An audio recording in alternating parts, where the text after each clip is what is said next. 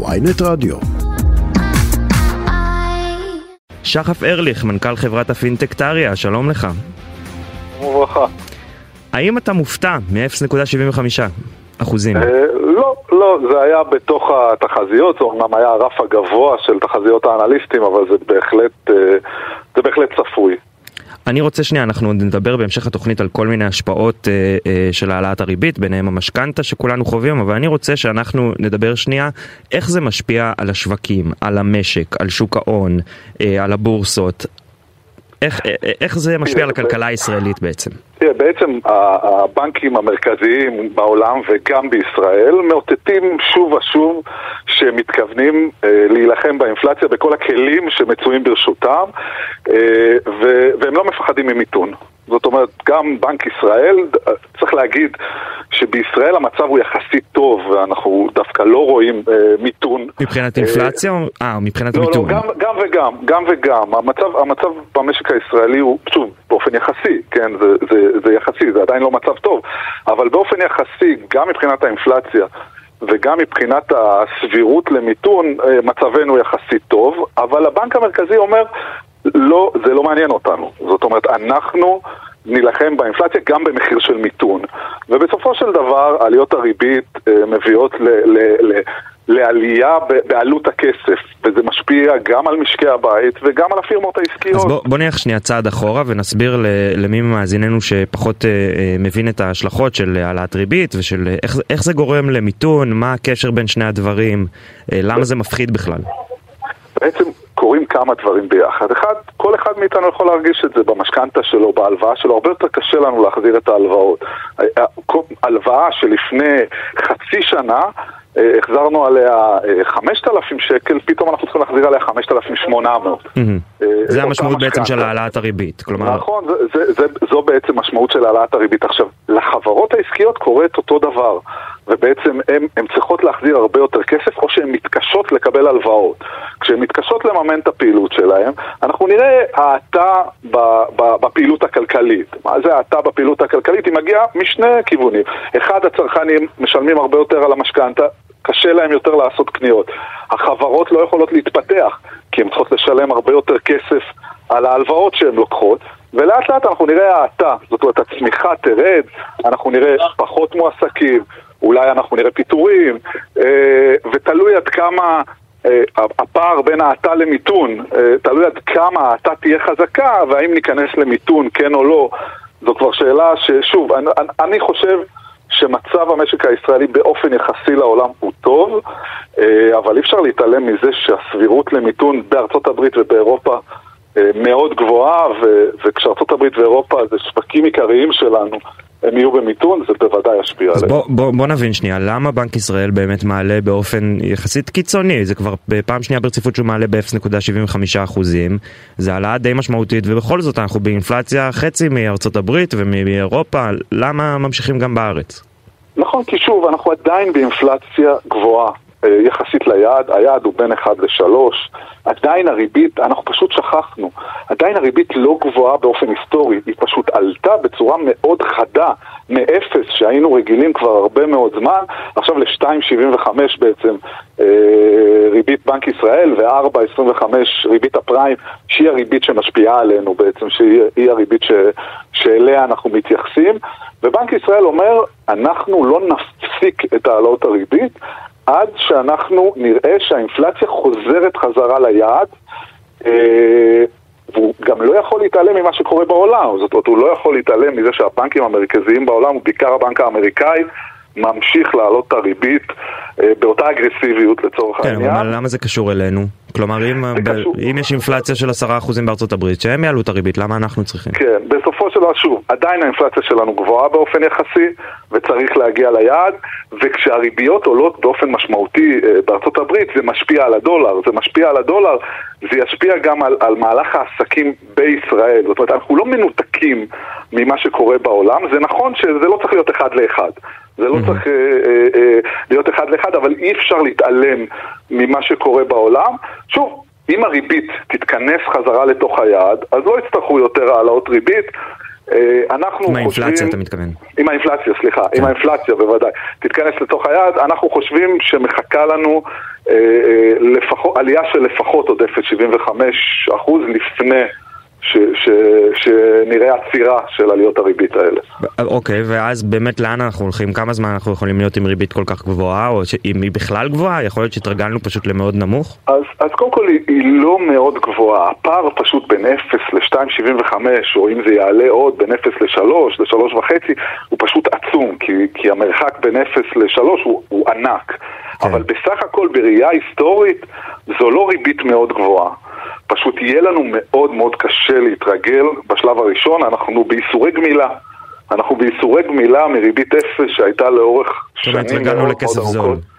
נכון, התרגלנו לכסף זול, בסופו של דבר בתוך הקורונה כולנו מכירים, זה יצא משליטה לחלוטין, חברות נסחרו במחיר לא הגיוני, אה, הכסף היה כל כך זול עד שהוא היה חסר משמעות, אה, ואנחנו כרגע נמצאים בייסורי גמילה יחד עם כל העולם. התחזית, צריך להגיד, התחזית של בנק ישראל מהיום היא שאנחנו גם ברבעון השלישי של 2023 עדיין נהיה בריבית של שלושה וחצי אחוזים. שזה יותר, זה גבוה בטירוף ביחס למה שהיינו רק לפני חמישה נכון, חודשים. נכון, נכון. התחזית של בנק ישראל הוא כזאת, אני חושב שמאוד קשה לחזות כל כך קדימה. זה מאוד תלוי עד כמה המשקים ייכנסו למיתון, המשקים האמריקאים, האירופאים והמשק הישראלי כמובן. אה, וככל בו אנחנו צריכים לזכור שהתחזיות רק לפני שנה היו כאלה שהריבית לא תעלה, ואם היא תעלה, היא תעלה ב- ב- באחוזים מאוד קטנים. אנחנו בתקופה של אי ודאות מאוד מאוד גדולה. Uh, הדבר היחיד שאנחנו יודעים... האי ודאות. מה, בגלל המלחמה בין רוסיה לאוקראינה? בגלל הקורונה? בגלל... אנחנו... יכול לחבר את כל הדברים ביחד. בסופו של דבר אנחנו באי ודאות בגלל, ש, בגלל שזו תקופה של שינויים חזקים מאוד בכלכלה. וכלכלה כשהיא עושה שינויים מתלווה לזה פשוט אי ודאות מאוד גדולה. אנחנו יודעים שהאינפלציה כרגע עדיין גבוהה, אנחנו יודעים שהריבית תמשיך לעלות, את שני הדברים האלה אנחנו יודעים בוודאות. עד מתי היא תעלה ומתי תתחיל הורדת הריבית, זה מאוד תלוי במה יקרה למשקים. בסופו של דבר, בנק ישראל הוא גם מעלה ריבית, בנק ישראל וכל הבנקים מעלים ריבית ונלחמים באינפלציה, ומצד שני הם גם אוגרים במרכאות כפולות ומכופלות נשק ליום שבו יתחיל המיתון. כי ביום שבו יתחיל המיתון, יהיה להם, הם יוכלו להוריד ריבית. הורדת ריבית חדה? בוודאי, הם יוכלו להוריד ריבית. אני חושב שאנחנו לא נראה הורדות ריבית, קודם כל זה מוקדם מאוד, ואני חושב שלא נראה, לא נראה, גם אם יהיה מיתון, לא נראה הורדות ריבית חדות, אבל לבנק המרכזי יהיה נשק, הוא יוכל להוריד ריבית, אבל זה, זה עוד מוקדם, אנחנו עוד במתווה של עלייה.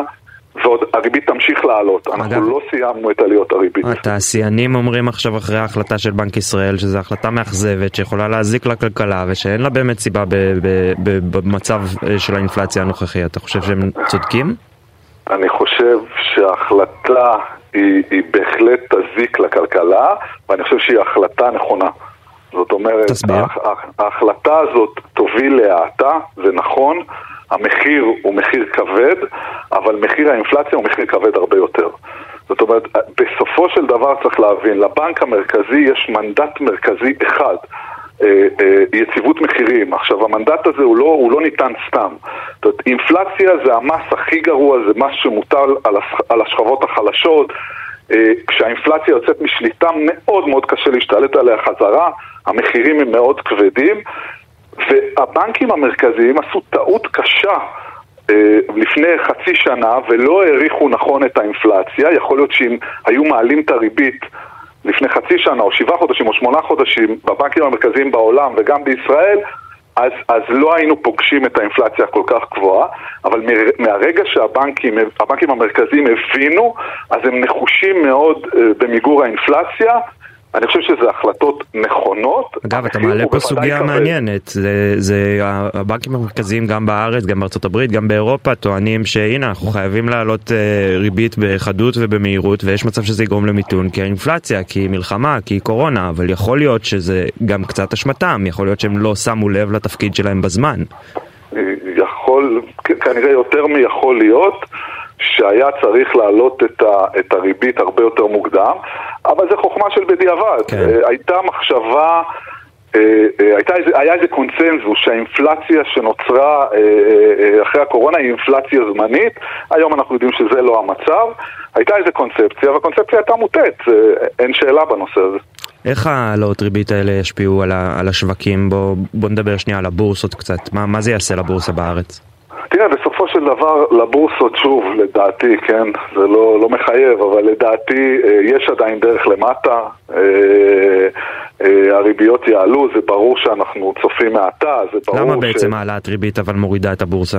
עוד פעם, כי אנחנו צופים, בדיוק כמו שאמרנו קודם, אנחנו צופים האטה, אנחנו צופים שלפירמות, לחברות העסקיות יהיה הרבה יותר קשה, הם ירוויחו פחות, הם יצטרכו לפטר, ולכן השווי שלהם הוא יותר נמוך ממה שהוא היה פעם. בנוסף לזה צריך לזכור עוד פעם שהשווים של החברות, היום כבר לא, אבל הגיעו למספרים דמיוניים בתקופת הקורונה. שוב, גם בארץ? בארץ פחות, בארץ ההשתוללות הייתה באופן, בארץ יותר מתונה, עוד פעם, השוק הישראלי איכשהו לאורך זמן מראה בגרות יותר, יותר טובה מהעולם, ואנחנו רואים שהאינפלציה אצלנו יותר נמוכה, וה, אה, אה, והשווים יותר הגיוניים, וה, וכנראה אנחנו, שוב, זה כנראה, אבל זה נראה שאנחנו יכולים להתחמק מהמיתון הזה ולחוות רק האטה ולא מיתון, אבל אנחנו לא חסינים, כן? זה לא, זה לא חסינות, זה פשוט מצבנו קצת יותר טוב. ומי שעכשיו, בואו בוא נשים שנייה בצד את uh, כולנו, שיש לנו קרן פנסיה ולחלקנו גם קרן השתלמות, זה פחות בידיים שלנו. אבל מי שמשקיע בעצמו בבורסה, איך היית ממליץ לו להגיב לירידות האלה? או. זו שאלה שהיא מאוד מאוד אישית, זו שאלה מאוד מאוד אישית וזה מאוד תלוי ב, ב, באופי של הבן אדם ובצורך בכסף, מאוד קשה לתת אה, אה, אה, המלצות, אבל באופן כללי אפשר להגיד שמי שמשקיע לטווח הארוך צריך פחות אה, אה, להיות מודאג, ומי כי? שמשקיע, כי, כי בסופו של דבר, שוב, אבל זה, זו דעתי מה שנקרא, בסוף כל מיתון, בסוף כל משבר, בסוף כל האטה, ממתינה צמיחה. אה, ובסופו של דבר ההיסטוריה מלמדת אותנו שלאורך זמן השווקים אה, אה, מייצרים תשואה חיובית וטובה לאורך זמן. אגב, אבל... יש לנו סטטיסטיקה על הדבר הזה? כמה זמן כן. לוקח למשק לחזור? כן, יש סטטיסטיקות, אין לי אותן בשליפה מהשרוול, אבל הן משתנות גם לאורך השנים, כן. ו- וגם מה שהיה לא בוודאות הוא מה שיהיה, זה לא, זה לא given, זה לא, זה לא משהו שנתון, אבל, אבל, אבל ברגע שבן אדם משקיע לטווח קצר, אז בוודאי שהסיכונים שהוא יכול לקחת הם הרבה יותר נמוכים. אוקיי, okay, תרשה לי שחף, אנחנו שנייה, אה, נגיד פרופסור אמיר ירון אה, נכנס למסיבת העיתונאים בהמשך להעלאת הריבית, בוא נשמע קצת דברים שהוא אומר בשידור חי. בשמחה. פרסמה גם תחזית חטיבת המחקר אה, של הבנק, שתוכלו אה, להתרשם ממנה. אנחנו מקיימים את מסיבת העיתונאים הזאת אונליין בעיקר אה, לאור הסמיכות ליום כיפור, ואנחנו מקווים מאוד ומצפים לראותכם אה, בפעם הבאה כבר אה, אצלנו כאן מסביב לשולחן. אני אעביר את רשות הדיבור לנגיד, פרופסור אמיר ירון, בבקשה. תודה אורי. שלום לכולם. אתמול והיום התקיימו בבנק ישראל דיוני הוועדה המוניטרית לצורך קבלת החלטת המדיניות. בתום הדיונים החליטה הוועדה המוניטרית להעלות את הריבית בשלושת רבעי האחוז לרמה של 2.75%. בפתחה של שנה עברית חדשה, שנת תשפ"ג, בה אנו נמצאים היום, אני יכול לומר, ממקומי כנגיד בנק ישראל, ומתוך הסתכלות מקרו כוללת, כי הכלכלה הישראלית נמצאת במקום טוב, ודאי ביחס לכלכלות של משקים מתקדמים אחרים. המשק הישראלי איתן ונמצא ברמת פעילות גבוהה ושוק העבודה הדוק ומצוי בסביבת תעסוקה מלאה. לצד אלו, ישנם גם אתגרים לא מעטים וארחיב על חלקם בהמשך. אציין בקצרה את הבולטים שבהם. האינפלציה, שהרימה ראש בכל העולם, ובאה לידי ביטוי גם אצלנו, גם אם במידה פחותה יחסית לעולם, היא תהליך שפוגע בכלכלה ובעיקר באוכלוסיות החלשות, וצריך לרסנה ולהחזירה ליעד. כולנו כאן בבנק ישראל, וחבריי לוועדה המוניטרית, נחושים לעשות זאת ונוקטים בצעדים שיביאו לכך. אתגר נוסף הוא התמודדות המשק עם ההאטה הגלובלית הצפויה בטווח הקצר לאור משבר האנרגיה וההידוק המוניטרי בעולם. סוגיית מחירי הדיור, שמעבר להיותה בעיה כלכלית, היא גם סוגיה חברתית מהותית. ואתגר נוסף הוא אי הוודאות הפוליטית, שבין השלכותיה הכלכליות ניתן למנות את העיכובים בהשקעות לטווח הבינוני והארוך. מדובר בצורך לקדם השקעה בתשתיות החשובות לצמיחת הכלכלה ולהגדלת הפריון בשנים הבאות. ארחיב מעט על סוגיית האינפלציה. האינפלציה בישראל, בדומה למדינות רבות בעולם, חצתה את גבול העליון של תחום היעד. כדי להתמודד עם האינפלציה, אנו בוועדה המוניטרית בבנק ישראל ממשיכים להתקדם עם תהליך הצמצום המוניטרי, תוך נקיטת צעדים מחושבים ובחינת מכלול ההתפתחויות הכלכליות בארץ ובעולם. כידוע, לתהליך העלאת הריבית לוקח זמן מה לתת את אותותיו. אנו נחושים להחזיר את האינפלציה לתוך היעד, והצעדים שאנו נוקטים בהם היום ובתקופה האחרונה, ובפרט מה שקרוי בעגה המקצועית front loading, מדגישים זאת. כאמור, אין אנו לבד בתהליך זה. במדינות רבות אחרות חרגה האינפלציה מהיעד, והבנקים המרכזיים נוקטים בתהליכים דומים. עם זאת, האינפלציה בישראל נמוכה משמעותית בהשוואה למרבית מדינות ה-OECD. אזכיר טוב, זה היה פרופסור אמיר ירון, נגיד בנק ישראל. שחף, האם שמעת את דבריו? זה נשמע כאילו היה בשיחה שלנו, הוא חזר על כל כך הרבה דברים שאמרנו. כן, כן, מסתבר, מסתבר שזה לא סוד מדינה. כן, אז מה בפועל הוא אומר? הוא אומר, מצד אחד אנחנו במצב סבבה, מצד שני אנחנו הולכים להמשיך להעלות את הריבית.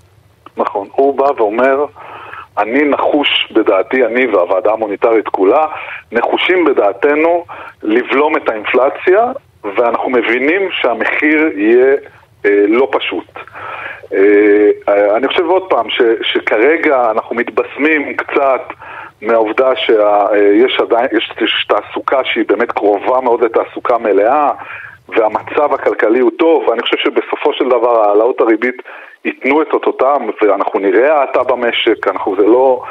זה, זה לא יהיה בחלל הריק. אז מה, אנחנו צריכים ה... להתכונן לפיטורים וטהרן? אני, אני, אני חושב שכל, שוב, אני חושב שמצב המשק הישראלי הוא טוב, הנגיד צודק, ו, ויהיה אצלנו הרבה פחות אה, רע ממה שיהיה בארה"ב ובאירופה, אבל בהחלט כל אחד, בזמן שהמנהיגות הכלכלית דואגת למקרו ונלחמת באינפלציה, כל משפחה צריכה להיות הרבה יותר שמרנית ממה שהיא הייתה לפני חצי שנה, הרבה יותר שמרנית בהוצאות, אה, לקחת בחשבון שיכול להיות שיהיו פיטורים, אה, לקחת בחשבון שצריך לחסוך הרבה יותר, כי כנראה יהיה יותר רע בשנה הקרובה.